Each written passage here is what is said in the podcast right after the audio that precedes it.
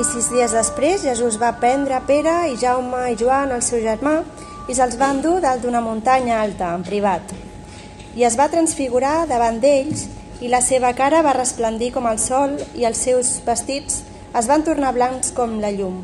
I heus aquí se'ls van aparèixer Moisès i Elias que conversaven amb ell. I Pere respongué i digué a Jesús, Senyor, és bo, és bo per a nosaltres de ser aquí. Si vols, Fem aquí tres cabanes, una per tu i una per, per a Moisès i una per a Elias. Encara estava parlant quan de sobte un núvol lluminós els va cobrir. I heus aquí una veu des del núvol que digué Aquest és el meu fill estimat, en qui tinc la meva complaença, escolteu-lo. I quan els deixebles ho van sentir, van caure sobre els seus rostres i els va agafar molta por. I Jesús es va tensar, els va tocar i digué Alceu-vos i no tingueu por. I ells van alçar els seus ulls i no van veure ningú sinó Jesús sol. I baixant de la muntanya, Jesús els va anar dient No conteu a ningú la visió fins que el fill de l'home sigui ressuscitat d'entre els morts. I els deixebles li van preguntar dient Per què diuen els escribes, doncs, que Elias ha de venir primer? I Jesús respongué i els digué Elias certament ve primer i restableix totes les coses, però us dic que Elias ja, va, ja ha vingut i no el van reconèixer, sinó que van fer amb ell tot el que van voler. Així també el fill de l'home ha de patir de part d'ells. Llavors els deixebles van comprendre que els havia parlat de Joan el Baptista.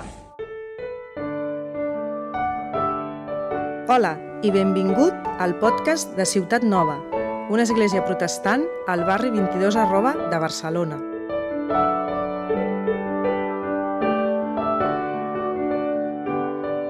Eh, doncs avui continuem amb aquesta sèrie de Mateu. Continuem amb, aquesta, amb aquest text que acaba de llegir la Noemí. I jo, abans de començar a introduir-nos en aquest text, et faria una pregunta. Què és el més gloriós que has vist mai? Segurament no et ve al cap fàcil, eh? o potser sí, no ho sé, que és quina és la cosa més gloriosa que has vist mai. Potser et ve al cap, quan et faig una pregunta com aquesta, un paisatge, potser et ve al cap una posta de sol, un cel estrellat, la cara del teu fill o filla acabats de néixer, o la cara del teu fill o filla quan dormen, oi? Que és quan més gloriosos són, o la cara potser de la persona de la que estàs enamorat. Quina ha estat l'experiència, el moment més gloriós de la teva vida? Mm? Fixeu-vos que no us he definit la paraula glòria. Eh? Us he deixat anar la paraula glòria i d'alguna manera vosaltres teniu una noció del que vol dir glòria, una cosa gloriosa, més o menys. No? Clar, si voleu una definició de glòria, doncs ara mateix no us la donaré, perquè, clar, no és fàcil. Defineix-me la bellesa. Com expliques la bellesa? Oi? La bellesa amb veu, amb, amb, amb ve alta, eh? La belleza, eh? Com expliques la bellesa? Trobaries una definició de la bellesa, eh? Però les definicions no acaben de fer justícia al terme, oi? Són unes nocions que tenim, la bellesa, la glòria, oi? I, i no crec que ara mateix, després us donaré una definició de glòria, que una definició d'aquesta paraula ens ajudés. Tots tenim la noció de que una cosa gloriosa és una cosa extraordinària, una cosa fora del comú, una cosa que genera un gran impacte en nosaltres, que ens deixa bocabadats, sense paraules, fins i tot paralitzats, oi? Que no et pots ni moure. Alguna cosa, que el com que recordarem tota la vida. No sé quantes trobades glorioses has tingut tu a la teva vida, quants moments de veure coses glorioses. Doncs és una bona pregunta que ens ajuda a centrar-nos en el missatge, en la predicació d'avui on som a l'Evangeli de Mateu, oi? Perquè Mateu té molts capítols, té molts versets, anem tirant, anem caminant, oi? I és bo que ens preguntem una mica com si fos el GPS, oi? d'on venim i on anem en l'Evangeli de Mateu. Hem llegit aquest text i fins ara hem estat parlant de la identitat del Messias que es dona a conèixer, la identitat del Messias revelada, oi? I aquesta part va acabar amb la predicació que va fer el Naum, quan Pere apareix allà i diu tu ets el fill de Déu, el Messias, el Crist, oi? El, fi, el Crist, el fill del Déu vivent. Aquell és el punt culminant en l'Evangeli en el que la identitat de Jesús es dona a conèixer. És el punt més alt de coneixement que tenen els apòstols, de qui és Jesús. No? A partir d'aquí, a partir del verset 16-21, fins al final del capítol 17, el que se'ns dona a conèixer ja no és tant qui és Jesús, sinó el patiment d'aquest Messias que s'ha donat a conèixer. Es revela, es dona a conèixer que aquest Messias no és un Messias com el que esperava Pere, no és un Messias com el que esperava la gent del seu moment, sinó que és un Messias que farà una cosa molt estranya. Un Messias que patirà. Un Messias que serà entregat. Un Messias que serà maltractat. I això no acabava d'encaixar amb la idea de Messias que molta gent esperava. L'alliberador del poble d'Israel. Segurament esperaven que Jesús anés cap a Jerusalem a fer una lluita violenta contra els opressors d'Israel. Què esperava la gent? Segurament una cosa molt semblant. Un líder polític, un líder militar que acabés amb el domini que Roma tenia del poble d'Israel. Però clar, Jesús no acaba d'encaixar amb aquesta idea i els hi diu una sèrie de coses als seus deixebles, oi? Com ja heu vist, eh, que Pere li diu, no, no, no senyor, això no et pot passar a tu. A tu no t'ho faran això. I Jesús ha de reprendre a Pere i dir-li, aparta't de mi, Satanàs, carai. Passar de reconèixer, oi, a Jesús com el Messias, com el Crist, i que Jesús li digui, molt bé, això no t'ho ha revelat cap persona, sinó que Déu mateix t'ho ha revelat. I al cap d'un moment ficar la pota d'aquesta manera, oi, Pere? Doncs sí, així són els deixebles, així som nosaltres moltes vegades, i ens costa, ens costa entendre molts cops qui és Jesús, i ens costa entendre que el Messias sigui un Messias que ha de patir. Si parléssim de la teologia que hi ha al darrere d'aquestes paraules, parlaríem d'una barreja entre el que s'anomena la teologia de la glòria i la teologia del patiment. Oi? I hi ha hagut èpoques en les que l'Església s'ha centrat molt en la teologia de la glòria i això acaba eh, donant-te una idea que diu que els que creuen en Déu totes les coses els hi van bé i que si tens problemes a la teva vida és que segurament hi ha algun pecat, oi? Perquè Déu et vol beneir, Déu et vol donar fins i tot coses bones a nivell material i tu has de saber com aconseguir això. Oi? És aquesta teologia de la prosperitat que de vegades detectem. No? Però el Senyor no ens permet això. Veiem que aquesta glòria ve barrejada amb patiment, amb humilitat, amb dolor. I això ens costa d'entendre, ja va costar d'entendre els primers deixebles. Oi? Un cop comencen a entendre això, els deixebles, ens trobem amb un text que segurament has llegit moltes vegades i que segurament no acabes d'entendre, que és el text d'avui. Oi? Què passa en aquella muntanya? Què està fent Jesús? Que, que és molt estrany tot això que succeeix. Oi? Per tenir el context necessari pel text d'avui cal que llegim els dos versets anteriors. Fixeu-vos què deia, eh? Capítol 16, 27 a 28. Perquè el fill de l'home, deia Jesús, vindrà en la glòria del seu pare amb els seus àngels i llavors pagarà cadascú segons les seves obres. En veritat us dic, diu Jesús, n'hi ha alguns dels aquí presents que no tastaran pas la mort fins que hagin vist el fill de l'home venint en el seu regne. I aleshores, sis dies després, Jesús s'emporta d'excursió a la muntanya, podríem dir, aquells tres deixebles. Oi? Per tant, veurem què està passant. Farem una explicació general del text, farem una explicació més específica del text i per últim veurem l'aplicació. Eh? L'explicació general, perquè no se'ns escapi res, eh, l'explicació més específica on entrarem eh, en per què Moisès i Elias en què significa aquest núvol que es troben a la muntanya, per què pugen a la muntanya, i per últim veurem quina aplicació podem fer tu i jo avui d'aquest text per nosaltres. Oi? Explicació general, molt bé, hem llegit el text, i el que hi veiem és que Jesús busca un moment, de nou, com tantes vegades, de privacitat, d'intimitat. S'endú amb ell a la muntanya els que podem considerar el cercle més íntim dels seus deixebles. Pere, Jaume i Joan. I un cop allà passen una sèrie de coses molt extraordinàries. El text diu que Jesús es va transfigurar. Hi ha primera cosa estranya, oi? Es va transfigurar. Bàsicament el que se'ns transmet és que el seu cos, la seva cara, es va transformar, va canviar, va haver-hi un canvi en l'aspecte de Jesús, oi? I davant d'ells els seus vestits fins i tot es van tornar blancs com la llum.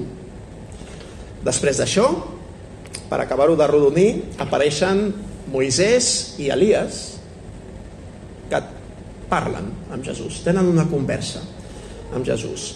Llavors, Pere apareix per allà, oi? Està per allà i respon a allò que està veient sense massa criteri, potser, i diu allò de farem unes cabanes aquí perquè pugueu estar vosaltres, oi? Tres. Però de cop i volta un núvol i una veu l'interrompen. Un núvol lluminós els cobreix i se sent una veu que prové del núvol que diu aquest és el meu fill estimat en qui tinc la meva complaença escolteu-lo la reacció dels deixebles és la normal cauen a terra sobre els seus rostres i tenen molta por. Oi? Jesús se'ls acosta, els toca i els tranquil·litza dient al seu bus no tingueu por. I quan els deixebles aixequen la mirada, només veuen a Jesús. Tota aquella cosa que hi havia abans, oi? Ha desaparegut, aquella visió. Després, mentre baixen de la muntanya, Jesús i els deixebles tenen una conversa. I els deixebles, eh, després de que Jesús els digui això no ho expliqueu, com Jesús fa tantes vegades, eh? volem dir no expliqueu encara, perquè no toca que ho expliqueu, els hi diu el dia que jo ressusciti ja ho explicareu, però de moment encara la gent no està preparada per entendre això, de fet ni vosaltres mateixos esteu preparats per entendre això que acabeu de veure, oi? Però els deixebles li pregunten per una profecia relacionada amb Elias. Moisès i Elias eren personatges molt rellevants a aquella època, eh? personatges molt importants pel poble d'Israel i acabar-los de veure generava preguntes en els deixebles. I li parlen d'una profecia relacionada amb Elias. I Jesús els hi dona a entendre que aquella profecia es va complir en Joan el Baptista i que el futur que esperava Jesús seria semblant al seu. Un futur de rebuig i de patiment. Bàsicament, amb altres paraules, el text és això. Eh? Aquesta és l'explicació general. I ara anem a centrar-nos en algunes de les coses, alguns dels punts que cal explicar. Perquè aquest és un text que pots passar per sobre, dir quines coses més estranyes, però si no rasques una mica et perds moltes coses d'aquest text. Primer lloc, el tema de la transfiguració. Oi? Què vol dir transfiguració? Si jo t'ho pregunto, segurament em diràs, doncs és un canvi en la forma, no? És un canvi en la figura d'alguna cosa. Els deixebles veuen a Crist amb tota la seva glòria. Aquí està la paraula, oi? Amb tota la seva glòria. Què és la glòria? Què fa la glòria? Com ens influeix la glòria? Oi? Podríem dir que al llarg de la Bíblia la glòria referida a Déu es refereix al valor de Déu. Fins i tot podríem dir el pes de Déu. Quan pesa Déu? Eh? És a dir, el valor que té una persona, a vegades, oi? El pes de glòria. Quina bellesa té aquella persona en ve alta, oi? La glòria de Déu transmet també la idea de bellesa de Déu, d'importància, d'honor, de reputació. I podríem dir que aquesta transfiguració, aquest canvi que hi ha en Jesús, que els deixebles veuen, és un tast, un tastet de la glòria de Crist el dia que tornarà per jutjar el món. Verset 28, com hem acabat de veure. Eh? Alguns dels aquí presents no tastaran pas la mort fins que hagin vist el fill de l'home venint en el seu regne. Això és el que estan veient aquests tres deixebles. Per tant, veiem com Jesús transmet aquesta glòria i els deixebles en són testimonis. La transfiguració va impactar aquests deixebles de per vida. Aquest moment que tenen amb Jesús tan especial va impactar els deixebles de per vida. Aquella visió va generar en ells un gran temor i els va deixar ben clar que Jesús és algú extraordinari. És algú extraordinari. Quan uns anys més tard Pere escriu la seva carta, fa menció d'aquell moment.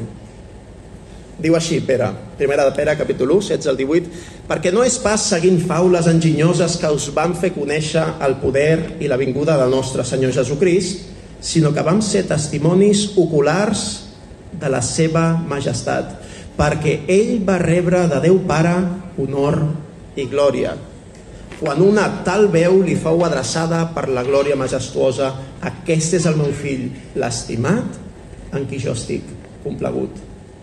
I nosaltres, diu Pere, vam escoltar aquesta veu, que venia del cel, quan érem amb ell a la muntanya santa.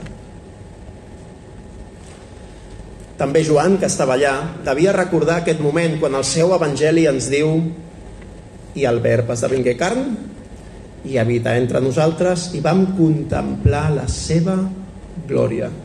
Glòria com de l'unigènit del Pare, ple de gràcia i de veritat. La transfiguració és un dels moments en el ministeri de Jesús en els que la glòria de Déu irromp en aquest món. Irromp a la terra. Un moment en el que es travessa, podríem dir, el límit entre allò finit i allò infinit. Entre allò temporal i allò etern, entre allò natural i allò sobrenatural.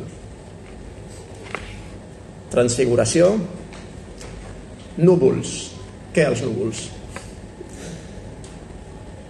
A la Bíblia els núvols simbolitzen la presència de Déu.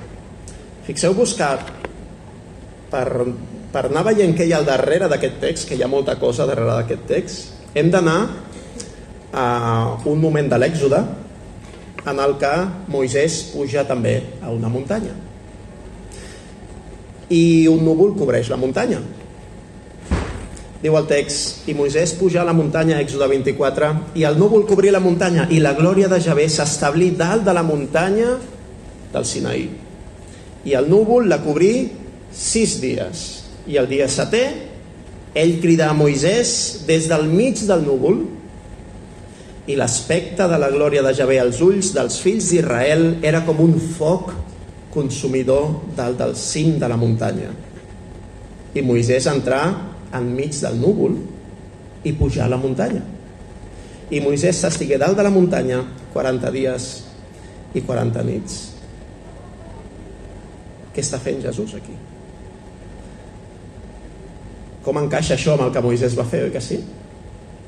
Més tard, a l'Èxode, ens torna a dir, a parlar d'un núvol.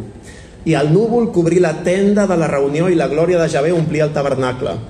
I Moisès no pogué entrar a la tenda de la reunió perquè el núvol s'hi estava a sobre i la glòria de Javé omplia el tabernacle. I en totes les seves jornades els fills d'Israel marxaven quan el núvol s'enlairava damunt del tabernacle. Però si el núvol no s'enlairava, ells no marxaven fins al dia que s'enlairava perquè el núvol de Javé, diu el text d'Èxode 40, era damunt del tabernacle de dia i de nit hi havia en ell un foc a la vista de tota la casa d'Israel en totes les seves jornades. Per tant, veiem com els núvols són ben presents a l'Antic Testament i simbolitzen això, la presència de Déu. I clar, us he parlat de Moisès, i és que Moisès és molt clau per entendre el text d'avui també Elias, eh? però en especial Moisès. Moisès va pujar a una muntanya. Jesús, en el text d'avui, puja a una muntanya. El rostre de Jesús resplendeix de manera extraordinària, oi que sí, ho acabem de llegir? Un núvol lluminós els cobreix. Se sent una veu que prové del núvol. A què ens recorda això que està succeint amb Jesús? Acabem de llegir Èxode 24, del 15 al 18, però fixa't, fixa't el que diu Èxode 34 al final. Eh? I s'esdevingué quan Moisès baixà de la muntanya del Sinaí amb les dues taules del testimoni a la mà de Moisès, quan baixava de la muntanya, que Moisès no sabia que li resplendia la pell de la cara pel fet d'haver parlat amb ell. I Aaron i tots els fills d'Israel miraren Moisès i heus aquí la pell de la seva cara resplendia i tingueren por de tensar-s'hi. I Moisès els cridà, i Aaron i tots els prínceps de la congregació s'atensaren a ell i Moisès els parlà i després s'atensaren tots els fills d'Israel i ell els manà tot el que ja bé havia parlat amb ell a la muntanya del Sinaí.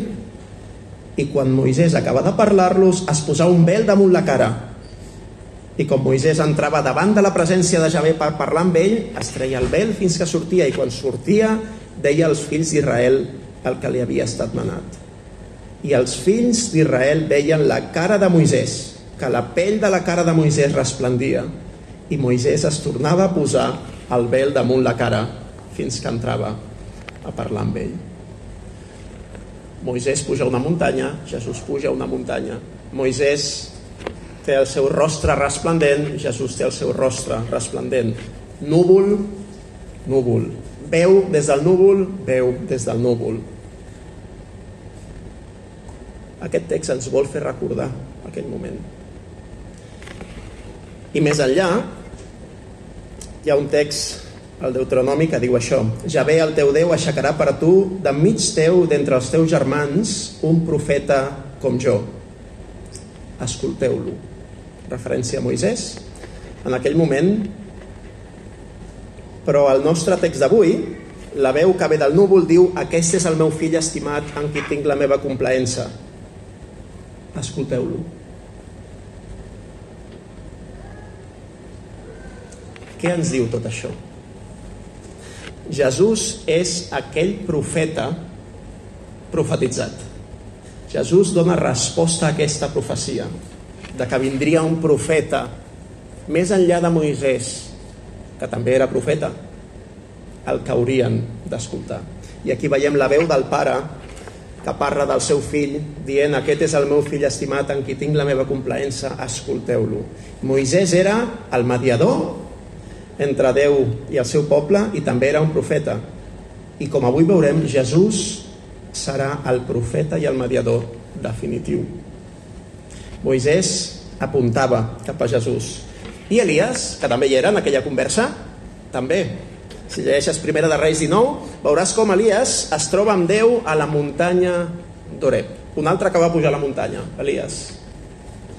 I un altre que enmig d'uns fets naturals d'aquells que fan por, vent, terratrèmols, foc, allà va rebre Elias la paraula de Déu.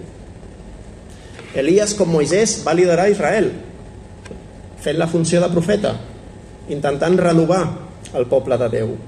Per tant, veiem el paper extraordinari que Moisès i Elias han jugat al llarg de la història del poble de Déu en el pla de salvació de Déu, en donar a conèixer aquest pla, aquest pla de salvació. I avui els tenim aquí amb Jesús. Avui els tenim aquí amb Jesús. Quina relació tenen Moisès i Elias amb Jesús? Estan parlant. Què ens vol transmetre aquest text? Mireu, l'Antic Testament acaba amb quin llibre? Va, per despertar-vos. Quin és l'últim llibre de l'Antic Testament? Vinga. Teniu 5 segons per contestar-me. Malaquies, oi? Sí, senyor. Senyora. Malaquies. Anem al final de l'Antic Testament. Mirem com acaba l'Antic Testament. Els tres últims versets de l'Antic Testament. Malaquies 4, versets del 4 al 6. L'Antic Testament acaba dient aquestes paraules. Recordeu-vos de la llei de Moisès, el meu servent, la qual li vaig manar a la muntanya de l'Oreb per a tot Israel, estatuts i judicis.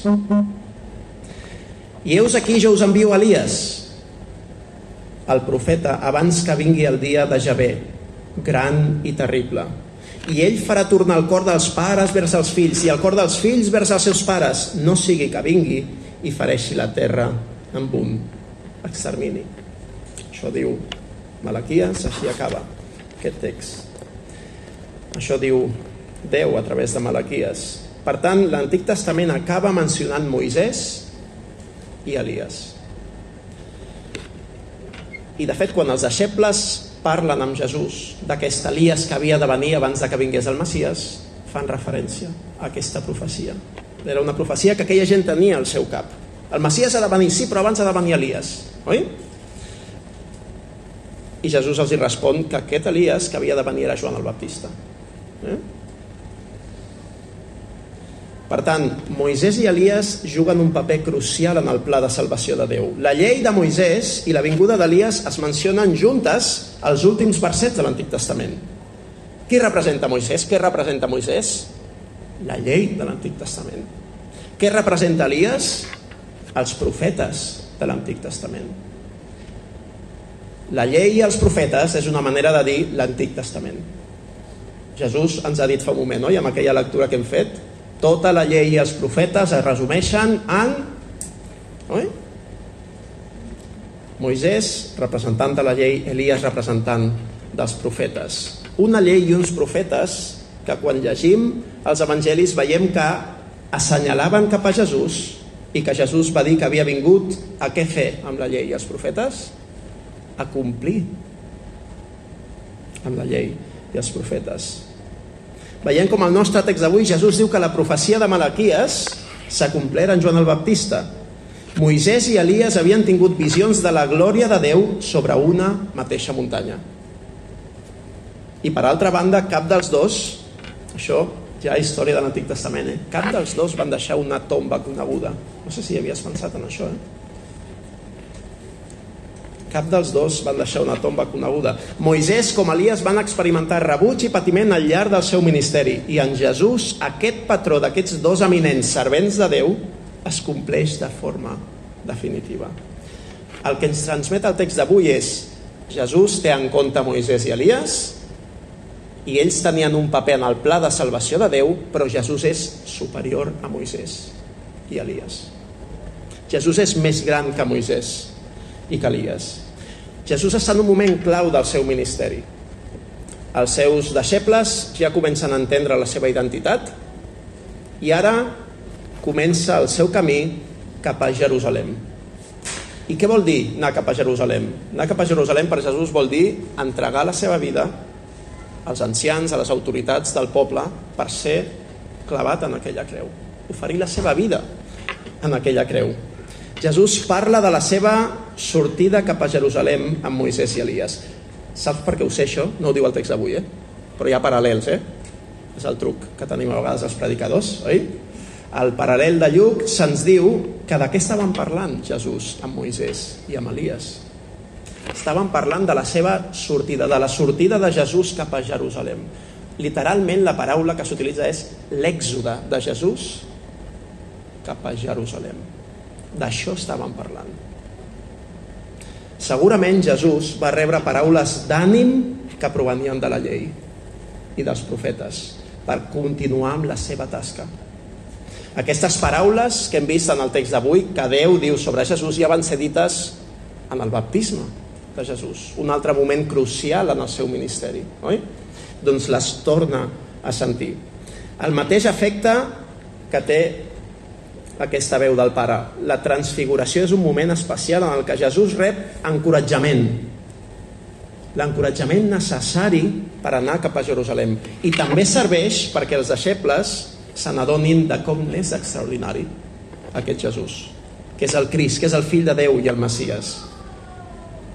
Per tant, després de lluitar amb la idea de que el Messies patiria, els deixebles se'ls hi transmet aquesta idea. Sí, el Messies Jesús patirà, però no oblideu com n'és de gloriós. No oblideu que el Messias patirà, però alhora aquest Messias és un rei de glòria. Com això es barreja? Ja ho veureu. però això es barreja. Als tres evangelis es parla de la transfiguració, els sinòptics, Mateu, Marc i Lluc, es parla de la transfiguració de Jesús i en tots tres aquest moment marca un abans i un després en el ministeri. de Jesús. La transfiguració de Jesús va lligada a la confessió de Pere i també al que tot seguit ensenyarà Jesús sobre el seu patiment i la seva mort. Aquesta veu que prové del núvol diu unes paraules molt especials que ja s'han sentit abans en el ministeri de Jesús, unes paraules que afirmen la identitat extraordinària i única de Jesús. Paraules que pronuncia Déu al Pare, i que són una barreja d'un salm de l'Antic Testament, Salm 2, verset 7, tu ets el meu fill, en referència al rei ungit, i Isaías 42, en referència al servent que patiria i que diu en qui s'ha complegut la meva ànima. El que aquella veu que ve del núvol diu sobre Jesús és molt i molt gros. És molt gloriós. Per tant, veiem tot el que hi ha darrere d'aquest text, oi que sí? Moisès i Elias, el núvol, tot plegat. Molt bé, com aplico això jo avui a la meva vida? Demà treballo. Què? Oi? La glòria de Déu. Com és de pràctica la glòria de Déu pel nostre dia a dia? Oi? En primer lloc, tinguem en compte que la glòria de Déu, la seva presència, és terrible i ens ha de fer por. Així és com ho van experimentar profetes, així és com ho experimenten els deixebles i així és com és la manera adequada i normal de topar-te amb la cosa més gloriosa i extraordinària que existeix, que és Déu mateix, amb tota la seva santedat. Diu Hebreus 12:29, certament el nostre Déu és un foc devorador. Un foc devorador. No sé com t'acostes tu a un foc, a un foc devorador, però compte. Eh? A vegades transmetem la imatge, oi? De que Déu és el nostre col·lega, amic, i hi ha una part, naturalment. Jesús és l'amic dels pecadors, com diu aquell himne, oi? Jesús és l'amic d'aquells eh, que s'acosten a ell amb humilitat, amb penediment, amb fe, naturalment que sí. Però no oblidem que Déu és Déu, que Déu és sant i que Déu és un foc devorador.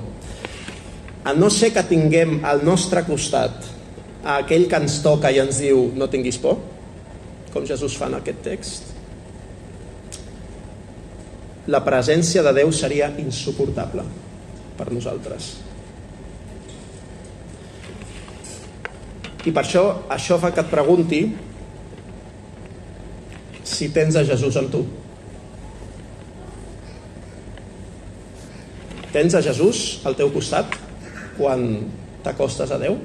Quan penses en acostar-te a Déu? I vas amb Jesús? És a dir, Déu ha enviat a Jesús perquè sigui el mediador entre Déu i els homes. I quan ens acostem a Déu, ho hem de fer com a cristians també, a través de Jesús. Si no fos per Jesús, no tindríem accés a la presència de Déu.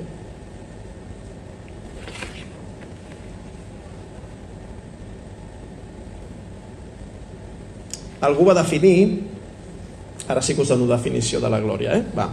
Algú va definir la glòria de Déu com la bellesa manifesta de la santedat de Déu. La bellesa manifesta de la santedat de Déu. Oi? Però sense Crist, la bellesa manifesta de la santedat de Déu és un gran problema per pecadors com tu i com jo. Sense Crist, la glòria de Déu és mortal. A la Bíblia ningú pot veure Déu i seguir viu ja que Déu és massa sant. I potser dius, però això veus, aquest és el problema amb la Bíblia, oi? Però. Sí, diu coses que estan bé, però hi ha altres vegades que dius, ostres, no? que no és bo Déu, que no ens estima Déu, que no... Va. Potser això t'ofèn, però aquest és el Déu que se'ns presenta al llarg de la Bíblia. No sé si t'ofèn que algú et digui que tu no pots mirar el sol directament i anar-te acostant constantment al sol mirant-lo directament fins a arribar al sol què passaria amb algú que fes això? No, vamos, dura molt poquet aquella persona que fa això. Oi? Clar, hi ha qüestions que són físiques. I quan estem parlant de la santedat de Déu, quan estem parlant d'un ésser que està per sobre de tot, d'un ésser que és sant, sant, sant, que és més brillant que el sol. Què esperem? Què esperem? Ara Jesús està en glòria al costat del Pare. Un dia Jesús tornarà ple de glòria, una glòria que ell tenia abans de que el món existís. I la pregunta pràctica que et faig és si tu estàs preparat per trobar-te amb ell. Si tu estàs preparat per gestionar la glòria de Déu. Com t'hi acostaràs a aquesta glòria de Déu? Per tu mateix o hi aniràs amb aquest Jesús que et toca i et diu no tinguis por, jo estic al teu costat, jo estic amb tu. Per estar a la presència de la bellesa manifesta de la santedat de Déu i seguir vius, necessitem que Jesús estigui al nostre costat i sigui el nostre mediador, el nostre advocat. I aquest mediador no el trobaràs en ningú més que en Jesús. Per tant, si no ho has fet encara, acosta't avui a Crist amb penediment i fe. I ell serà el teu mediador davant d'aquell dia al que tots hem de fer front, el dia que la glòria de Déu sigui revelada completament. Recorda les paraules de Déu Pare des del núvol. Aquest, Jesús, és el meu fill estimat, en qui tinc la meva complaença. Escolteu-lo, escolta'l.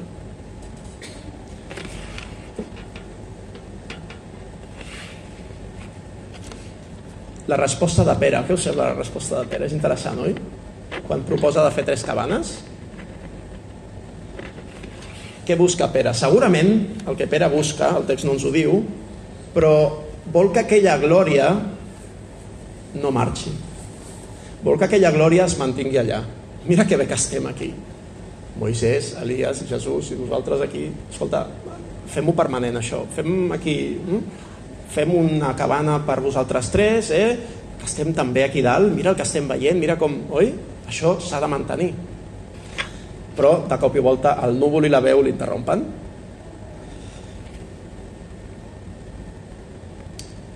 Pere no vol baixar de la muntanya. Perquè baixar de la muntanya implicarà deixar aquesta glòria i fer front al patiment i al dolor. Potser ell del tot no ho sap això, però sap que en aquella glòria està molt bé i còmode. Oi? El que passa és que encara que Pere no vulgui baixar de la muntanya, que vulgui que allò es mantingui, Jesús el farà baixar de la muntanya i li ensenyarà que ell és un Messies que arribarà a la glòria a través del patiment. Jesús baixarà de la muntanya i anirà cap a la creu. I nosaltres, pràctic, eh?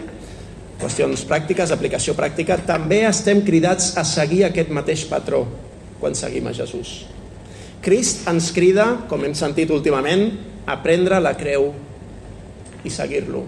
I hi haurà glòria, sobretot al final. Però abans hi ha un camí en el que haurem de carregar amb una creu. I carregar una creu no és un símbol de coses bones. Eh? No hi ha dreceres. Si segueixes a Crist hauràs de fer front a burla, a menyspreu, a patiment per causa d'ell, a incomoditat per causa d'ell també. I jo és una pregunta que em faig a mi i que te la faig a tu també. No sé si això ho estàs experimentant o no. Perquè és molt fàcil caure en la comoditat i tancar possibles portes a certs conflictes que puguin haver si dic segons què, si parlo de segons què, si trec a Jesús en la conversa, em miraran raro, què pensaran de mi, eh, ja no em convidaran a trobar-me amb ells per... Eh? Vés a saber les converses que tindran sobre mi, eh? vés a saber, oi? Si estàs experimentant aquest patiment per seguir a Jesús, endavant, recorda la glòria de Crist. I si no ho estàs experimentant, reflexiona i fes autoexamen i pensa en per què no ho estàs experimentant. Crist és gloriós. Crist és aquell de qui la llei de Moisès i els profetes parlaven, cap a qui assenyalaven, és aquell que compleix allò escrit a la llei de Moisès i als profetes. Crist és superior a Moisès i Elias. Moisès va reflectir la glòria de Déu. Jesús, en canvi, ens diu al Nou Testament que és l'esplendor de la glòria de Déu.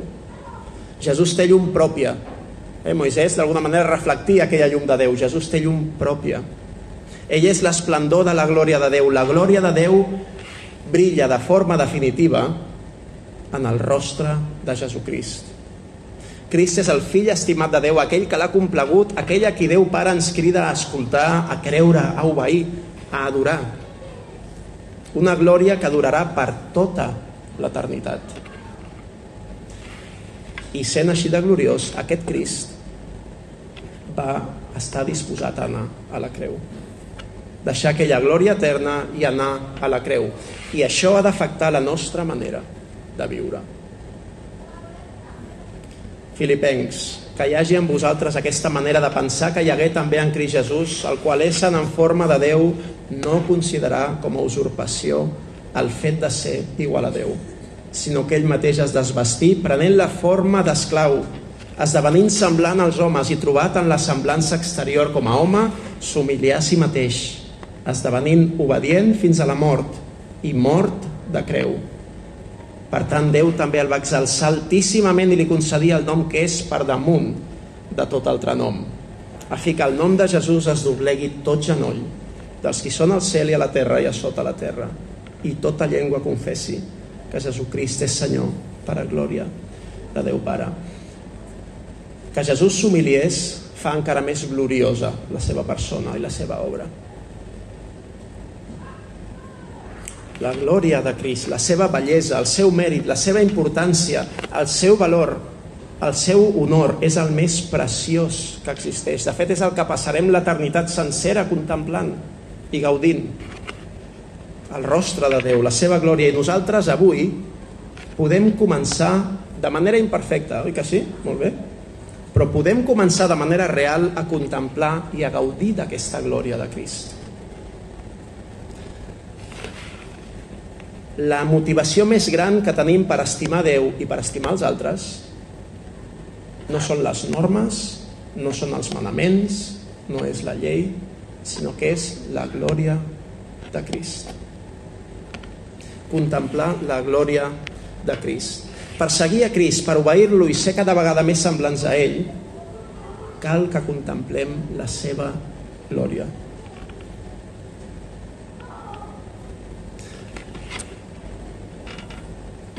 El gran antídot contra el pecat no són els manaments, sinó que és la glòria de Crist. Contra el desànim, contra la por, contempla la glòria de Crist. També el gran recurs per fer front a això que es parla tant últimament en els cercles d'església, l'àmbit d'església, la deconstrucció de la fe. Oi? Davant de la deconstrucció de la fe de tantes i tantes persones, contemplem la glòria de Crist. No sé quantes pantalles tens tu a casa teva. Avui tenim moltes pantalles a casa, oi? I moltes coses a contemplar en aquestes pantalles. Sèries, pel·lícules, xarxes socials, violència, cotilleos, pornografia, és una porta oberta a tantes i tantes coses, oi? Mira què diuen els salms. No posaré cap cosa perversa davant dels meus ulls. Odio l'obra dels qui s'aparten de tu. No s'enganxarà a mi. I l'altre salt diu, allunya els meus ulls de mirar la vanitat. Fes-me viure en el teu camí. On tenim els nostres ulls posats? Què busquem? Què contemplem? I com afecta el que contemplem? A com ens sentim i a com vivim. Contemplar la glòria de Crist és una experiència immensament superior a qualsevol d'aquestes coses. Bueno, però com es fa això? Oi? És molt espiritual això. Com contemplem la glòria de Crist? Quina cosa més etèrea, no? Doncs mira, pots contemplar la glòria de Crist si assisteixes a l'església amb aquest objectiu Pots contemplar la glòria de Crist si participes del Sant Sopar amb aquest objectiu. Pots contemplar la glòria de Crist quan escoltes la paraula predicada buscant la glòria de Crist. Pots contemplar la glòria de Crist participant amb la lluança, amb aquest objectiu. A casa pots contemplar la glòria de Crist si la paraula habita abundantment, la paraula de Crist habita abundantment en tu.